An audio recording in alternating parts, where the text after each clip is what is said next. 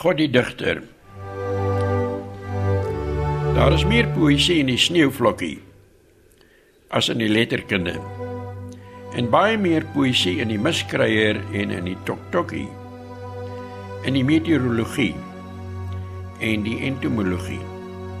In die môremis en in die bergpiek. In die horison wat in die hemele wegraak.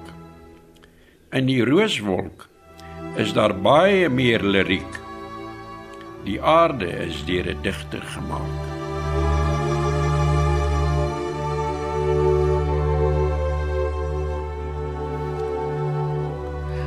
Tennis Theodorus Kloete is op 31 Mei 1924 op Vredefort in die Vrystaat gebore. Ek het enkele dae voor sy 90ste verjaarsdag by sy huis in Potchefstroom met hom gepraat oor sy lewe en sy werk, oor ouderdom en genade. Ek is gebore op die koepel, die Vredefort koepel. Ehm um, net net 3 jaar voor uh die Hollandse uh, geoloog Moorcroft ehm uh, die wêreld daarvan bewus gemaak het dat dat daar 'n meteoriet geval het. En my pa was 'n boer, maar hy was 'n baie goed belese boer. En hy het ons daarvan bewus gemaak dat ons woon soos hy dit genoem het naby die engele op die koepel. Die koepel het nou eintlik 'n krater geword vandag. Maar goed, dit was 'n koepel. En jy kan as jy in 'n in 'n chopper of 'n helikopter daaroor heen ry, dan kan jy baie mooi sien wat, hoe lê die koepel. Nou, dit het 'n baie diep indruk op my gemaak as kind dat ek soos my pa dan dit genoem het naby die engele gebore is. En dit het my by ehm um, dit het my belangstelling wakker gemaak vir die kosmos. Ek stel vandag nog baie belang in die kosmologie en ek sou graag 'n kosmoloog wou geword het. Maar ehm um, dan moet jy baie weet van die fisika en ander wetenskappe en ehm um, die literatuur het my natuurlik verlei om op te gaan in die in die letterkunde. Ek het uh uh matriek toe nou geslaag op Monument Hoërskool en toe het ek uh takkies toe gegaan as eerstejaars student en ek wou teologie studeer, maar ek het vir my pa gesê ek wil 'n teoloog word, maar ek wil nie predikant word nie. En ek het toe nou gegaan en ek is vandag baie bly dat ek gegaan het met hierdie idee van ek word teoloog want ek soos ek soos Einstein voel ek ek wil weet hoe God dink. Dit dit dit is wat waarom dit vir my gaan. Goed, dus ek Pretoria toe. Uh as die as eerste jaar student het ek toe die ou tale geneem Grieks, Latyn, Hebreëus. En ehm uh, aan die einde van my eerste studiejaar het ek nou polio gekry. En dit het my 2 jaar uh uh bed toe gevat. Die eerste van nou ja, jy kan dit nou nie uh, presies afmeet nie, maar min of meer die hele eerste jaar het ek gelê. Ek kon nie ek kon nie loop nie. Ek kon glad nie loop nie. Daai jaar lank het uh, my mense my rondgedra. En in die tweede jaar het ek toe in 'n kliniek beland en uh geleer loop. Uh maar in die 2 jaar was ek dan nou uh, maar 'n pasiënt. En toe het ek opgegaan in die letterkunde wat ek altyd wou doen. Moet ek opgegaan in die moderne letterkunde. Uh wat maar my eerste keuse was van jongs af. Uh Nou ek het altyd geloop en dink ek het nou die ou tale ge, geneem en en en, en wat word nou daarvan? Wat maak ek nou met hierdie Grieks en hierdie Hebreëus? Maar ek kan dit vandag nog gebruik. Maar die merkwaardige is dat ek het in 1943 het ek Hebreëus geloop in in 1990 toe vra hulle my om psalms om te dig. Toe het ek die Hebreëus en ek het om daar uh, om 'n rekenaartaal te praat gegoogel en uh, ek het hom weer gepoleer en uh, ek het hom baie gou weer opgetel sodat ek en prof Harry van Rooi prof Harry van Rooi uh, hier van Potchefstroom was die uh, die die hooffiguur uh om vir ons te sê wat staan daar in die oorspronklike teks. Ons het nie gewerk met vertalings nie. Ons het daarna gekyk. Maar Prof Harry en ek het gewerk met die oerteks. En ek kon toe my Hebreëus gebruik. Hoe wonderbaarlik dat jy in 1943 'n vak studeer wat jy in 1990 nodig kry. Dis merkwaardig. Maar goed, dan toe die in die polio het nou die res van my lewe 'n rol gespeel. Dit het my uh die wêreld laat ontdek uit stoele. 'n Gebonde lewe wat my die wêreld laat ontdek het. Maar dit het my dit het my weghou van verkeerde paaie. Ek het nie agter 'n bal aangehardloop nie, nie meer nie. Ek kon. Ek was 'n goeie atleet en ek was 'n goeie rugby speler. Maar dit het my toe nou weghou van verkeerde weë. En uh uh dit het my hele lewe beïnvloed en dit het my uh, polio het my pyn gegee. Ek het elke dag van my lewe pyn sedert 1943 en uh dit dit dit dit het my lewe ingrypend uh, verander. Maar goed, ek het dan daai 2 jaar het ek baie die, wat doen jy? Wat doen jy as jy 2 jaar bedlêend is? Jy lees. Jy studeer. Ek het toe deur daai daai 2 jaar het ek deur die Universiteit van Suid-Afrika gestudeer. En uh, toe baie goed gevaar want ek was niks anders ek was amper soos 'n monnik net gefokus op lees en op studeer. En toe het ek nou uh, terug teruggekom na die pik toe en hier verder dan nou gestudeer en uiteindelik is ek toe buiteland toe. En jy het die doktorsgraad in die buiteland gedoen? Ja, ek het uh, my doktorsgraad in Amsterdam gekry waarop ek vandag nog baie trots is. Ek het ek het onder van Wyk Lou gestudeer. Natuurlik onder Nederlanders, maar toe uh, hy uh, ek het in 1949 het ek Holland toe gegaan en hy het in 1952 daar aangekom. En toe dink nou gedink, goed, hier sit ek by 'n geniale man en hy praat my taal en ek het onder hom uh gestudeer en gepromoveer en ek was ook sy eerste promovendus. En dit was vir my 'n weelde om met daardie man kennis te maak. Uh 'n paar jaar lank intiem kennis te maak. Dikwels in sy studeerkamer te kom. Hy het 'n enorme invloed op my lewe gehad. In watter in watter sin? u belangstelling in die letterkunde? Ja, sy ja, nie net die belangstelling in die letterkunde nie. Ek sal die aande nooit vergeet wat ek in sy studeerkamer gesit het en ons het gesels oor uh God, oor die teologie, oor die wysbegeerte, oor die wetenskappe, oor die letterkunde. Hy het my belangstelling geprikkel in talle opsigte. Dit is eienaardig dat ek belang gestel het in die dinge wat hy ook 'n belangstelling vir gehad. Natuurlik was sy belangstelling veel groter as myne. Sy wêreld uh, was veel groter as myne.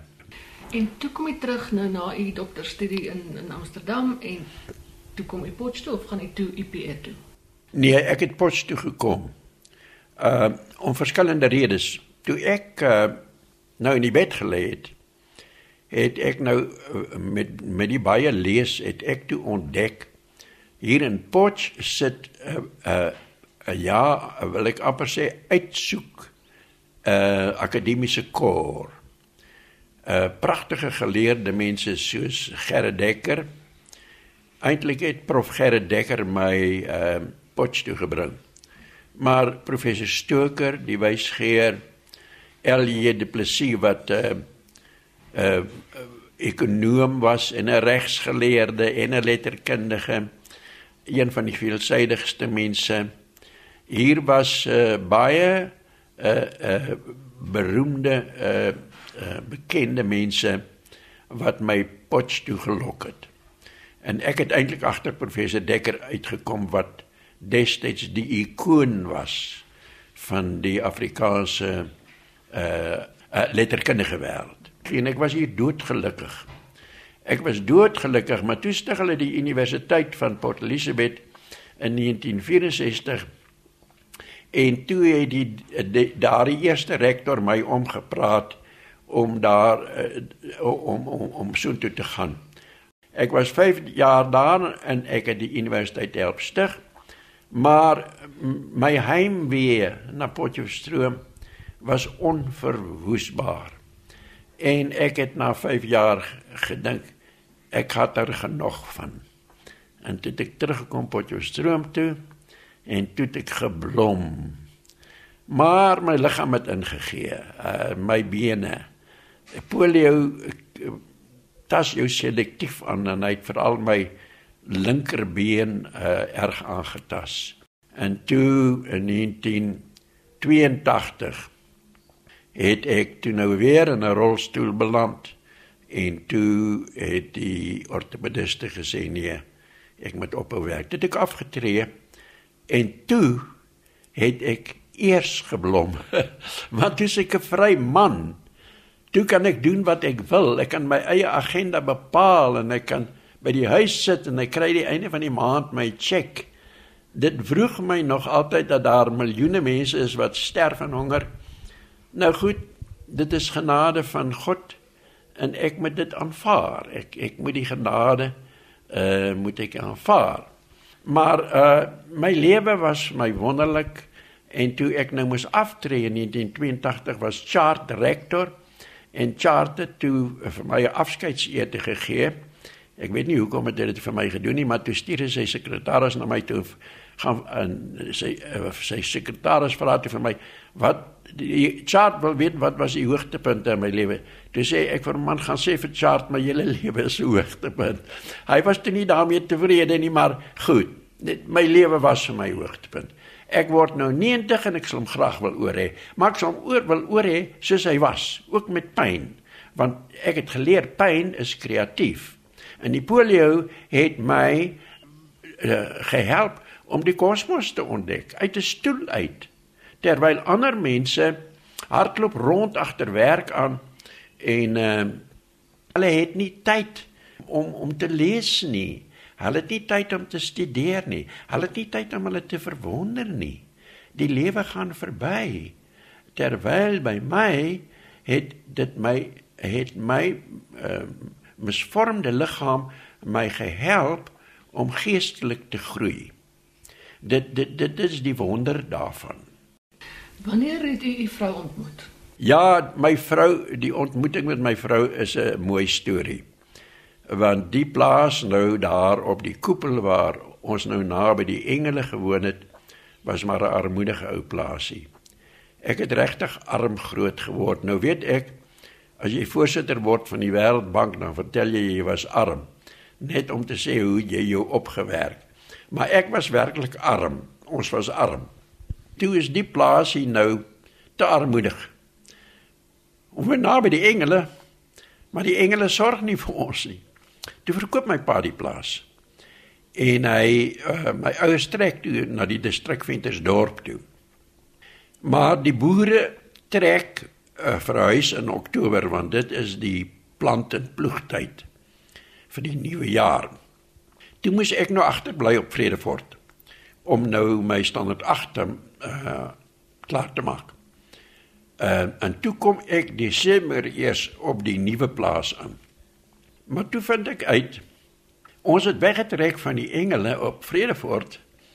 Maar op die bierplaas loop 'n engel rond.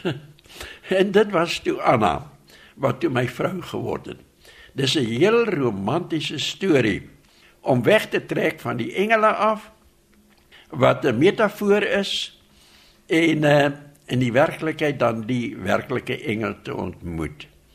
En ons het mekaar net 3 jaar geken toe kry ek polio en toe het ek gewonder wat gaan hierdie eh, jong mens nou met my maak? Gaan sy my nie steek laat in sê nee, ek wil nie met 'n wrak lewe nie. Maar sy het nie. Sy het getrou by my gestaan en ons het mekaar 7 jaar lank geken met die langdurige studie van my. En ons het toe getrou net voor ons Holland toe is en dit was werklik 'n gelukkige huwelik. Met 5 kinders Dit was 'n wonderlike bestaan en ek het dit al dikwels gesê, sy het nooit self gedig nie. Maar sy het my gedigte ingegee. Sy was 'n deel van my digterskap. Sy was 'n digter in my. Dit was 'n fantastiese bestaan en die dag toe ek gehoor het sy het kanker, het ek 'n stukkie papier daar in Unitas gebedel en 'n pen en ek het vir haar begin briewe skryf. En in die 5 jaar wat sy kanker gehad het, het ek nooit daardie briewe vir haar gewys nie. Maar ek het aanhou skryf vir haar tot gisterand. Ek skryf nog steeds vir haar en uh, ek ek glo soos Viktor Frankl wat in een interneringskamp was en sy vrou in 'n ander een en hy het met haar gekommunikeer toe sy al dood was. Hy het nie geweet sy is dood nie. Maar hy het met haar gekommunikeer. Hy was hierdie beroemde sielkundige. En ek kommunikeer nog met ander en dis nou die volgende ding waaraan ek gaan werk. Ek gaan daardie briewe uitgee. Ek het al in my kinderdae geskryf. Die eienaardige is dat ek het begin met uh een bedrywe as skoolkind. Maar dit is eienaardig die drama in my, die dramaturg in my het uh, opgehou. Ek het maar net die een drama geskryf. Maar ek het as skoolkind al gedigte geskryf. En uh en op universiteit heel wat. En ek het my my gedigte op univers in my universiteitsdae en in my eh, polio uh, ballingskap soos ek dit noem het ek self uh, uh, my vrou het hulle getik nog as toe sy toe voor nog voor ons troue sy het hulle getik en ons het hulle gebindel en ek het hulle later vernietig. En ek het net een gedig oorgehou van daardie. En ek het nou maar geskrywe en uh, niemand het daarvan geweet nie behalwe my vrou. Maar uh, ek het nie die moed gehad om te publiseer nie. Uh mense moet verstaan toe ek 'n jong digter was, was daar hier die fameuse van Wyk Lou, W.E.G. Lou, Elisabeth Eybers, later mense soos Ernst van Heerden, Wilma Stokkenstroom. Ek het net nie uh, die durf gehad om uh my gedigte te publiseer nie. Uh om nou die woord te gebruik in 'n positiewe sin, al het my geïntimideer. Ek het uh gedink, nou wat het ek te sê? Maar my vrou het gesê ek het iets te sê. My vrou het die geloof in my gehad. En sy het voortdurend vir my gesê alles is nie gesê nie jy het iets om te sê en en en sy het my altyd ondersteun en en toe was daar 'n periode uh in in die 80er jare wat ek baie baie siek was weer. En toe kry ek trombose en by die dood omgedraai. En toe het my vrou gesê sy wil nie met 'n papierboedel sit nie. Ek moet uh die gedigte publiseer. Ek het iets te sê. En en toe het uh, uh, ons 'n rit onderneem. Uh, hier van van Potchef Tsitsikamma toe met uh uh weggooi sakke, uh, swart sakke en sy het bestuur soos altyd en ek het agter in die kar gelê en ek het al hierdie opgehoopte gedigte van jare het ek toe weer deurgegaan en ek het weggegooi. Ons het die eerste aand geslaap op Bloemfontein, daar het ons 'n klomp weggegooi. En toe die tweede aand het ons geslaap op Kraddock. Daar het ons gedigte weggegooi. En toe het ons op Oubosstrand uitgekom en daar het ek toe nou in die strandhuis die laaste is weggegooi en wat toe oorgebly het het ek in Angelira gepubliseer. Nou vandag is ek aan die een kant spyt dat ek weggegooi het. Aan die ander kant dink ek dit is 'n goeie ding. Dit was 'n sif. Die dreigende dood was 'n sif en uh, wat toe oorgebly het is in Angelira En uh, toe uh, dis dit goed ontvang en toe uh, toe het ek moed geskep. En toe het ek nou aangegaan.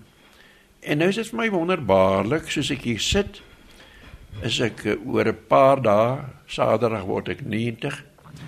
Maar daar lê vier manuskripte op my, eintlik 5.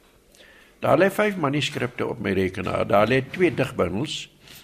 Een gaan oor die liefde wat ek soos Dante met hoofletters skrywe. Die ander een gaan oor ons huidige uh omstandighede in hierdie land. Die derde ene is 'n uh, roman wat my vrou gesê het, "Ag, jy het al so baie oor die roman gepraat dat ek al moeg is. Sy's al moeg om daarvan te hoor."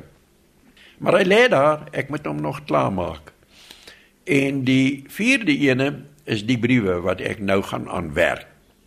As ek uh, Saterdag verjaar het, gaan ek Maandag aan die briewe aan my vrou begin werk. Ek het al 'n uitgewer daarvoor. Maar dan is daar 'n vyfde ene en dit is hoe skryf jy? Waar waar kom die gedig vandaan? Want die gedig is 'n ingewing. Dis iets wat jy kry. Die gedig kom na jou toe wanneer jy dit nie verwag nie. Maar daardie proses is vir my 'n magiese ding en daaroor wil ek skryf. Dus ek het nou 90 geword en ek is nog elke dag besig baie bedrywig en elke dag is my te kort. 'n Wonderlike genade, dit dit dit, dit is iets wonderlik. Wat beteken toekennings? Toekennings is 'n wonderlike aanmoediging. Ek het baie waardering vir die toekennings. Ek het ek het ek is vreeslik dankbaar daarvoor. Maar uh dis nie waarom dit gaan nie. Dit gaan daarom lees mense jou. Dit is eintlik die toekenning. Die toekenning wat spontaan kom van mense wat jou bel. Selfs skoolkinders wat jou bel en vir jou sê ek lees jou werk of wat vir jou skrywe. Ek ek lees jou werk. Ek het daar waardering vir. Dit is die eintlike ding waarom dit gaan. Wat beteken ouderdom vir jou? Ouderdom is 'n juweel Dit is die wonderlikste ding. Mense moenie bang wees vir die ouderdom nie. Dit is dit is verskriklik kosbaar om 90 te word. Bygesê as jy versorg is. Nou beroep ek my altyd daarop dat Moses uh, Psalm 90 is nie 'n psalm van Dawid nie. Psalm 90 is die gebed van Moses. En die gebed van Moses is eintlik die biografie van elkeen van ons, van jou en van my en van elke mens. Dan stel hy die grens op 80. Maar die Romeinse skrywer Cicero of wat ons gewoond is om te sê Cicero. Cicero het toe hy 80 geword het, het hy sy klein biografie, autobiografie geskryf. Pragtige boekie. En toe sê hy daar hierdie pragtige ding. As jy 80 word, word jy 'n begeerlike mens. Want niemand onder 80 weet of hulle dit gaan haal nie. Is dit nie 'n wonderlike waarheid nie? As jy 80 word, word jy 'n begeerlike mens. Maar ek is nou al 10 jaar verby. Dis ek sê tergenderwys, ek is nou super begeerlik. Dis super. Dis super begeerlik. Maar die groot probleem is met mense, hulle staan op, gaan badkamer toe, stort, trek hulle aan, ontbyt, ry weg in hulle duur motor, werk soos 'n slaaf, kom terug vanaand, lees die koerant, eet, kyk TV, gaan slaap, môre dieselfde jare lank, jare lank. Dan tree hulle af en dan weet hulle nie om wat om met hulle self aan te vang nie. Dan gaan hulle dood. Nou nou eendag het ek 'n ding gehoor oor die radio waar ek myself 10 uit 10 gegee het.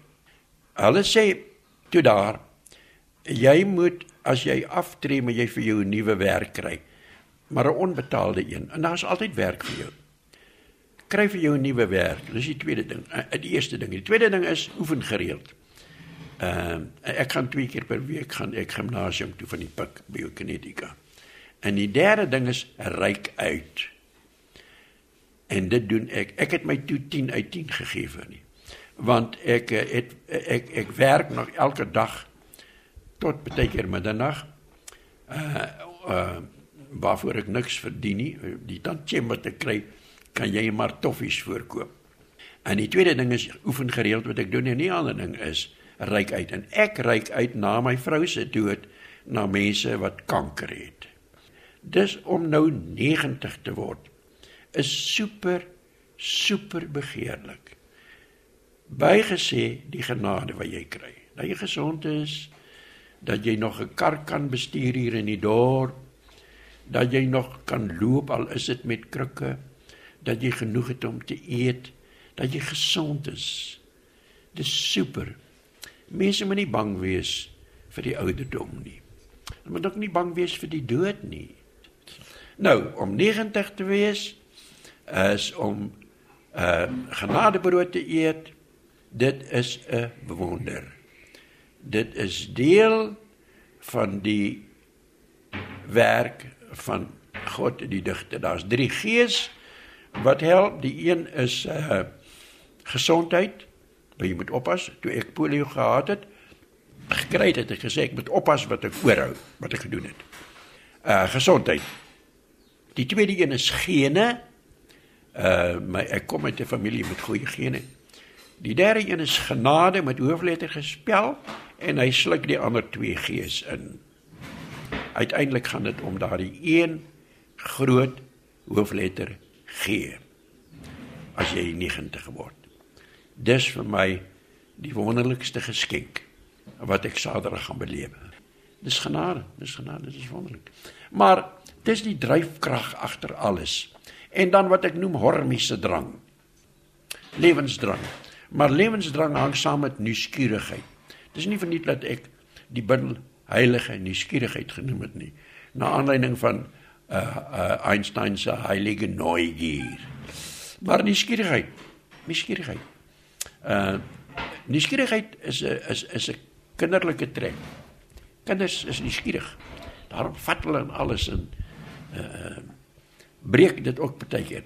Maar ek het, as ek dan iets van 'n kind in my oor gehou het, dan is dit nuuskierigheid. Ek is 'n 90 jarige nuuskierige. Dit was die gevierde digter en akademikus, professor TT Kloete, wat kort voor sy 90ste verjaarsdag met my Ina Strydom gesels het.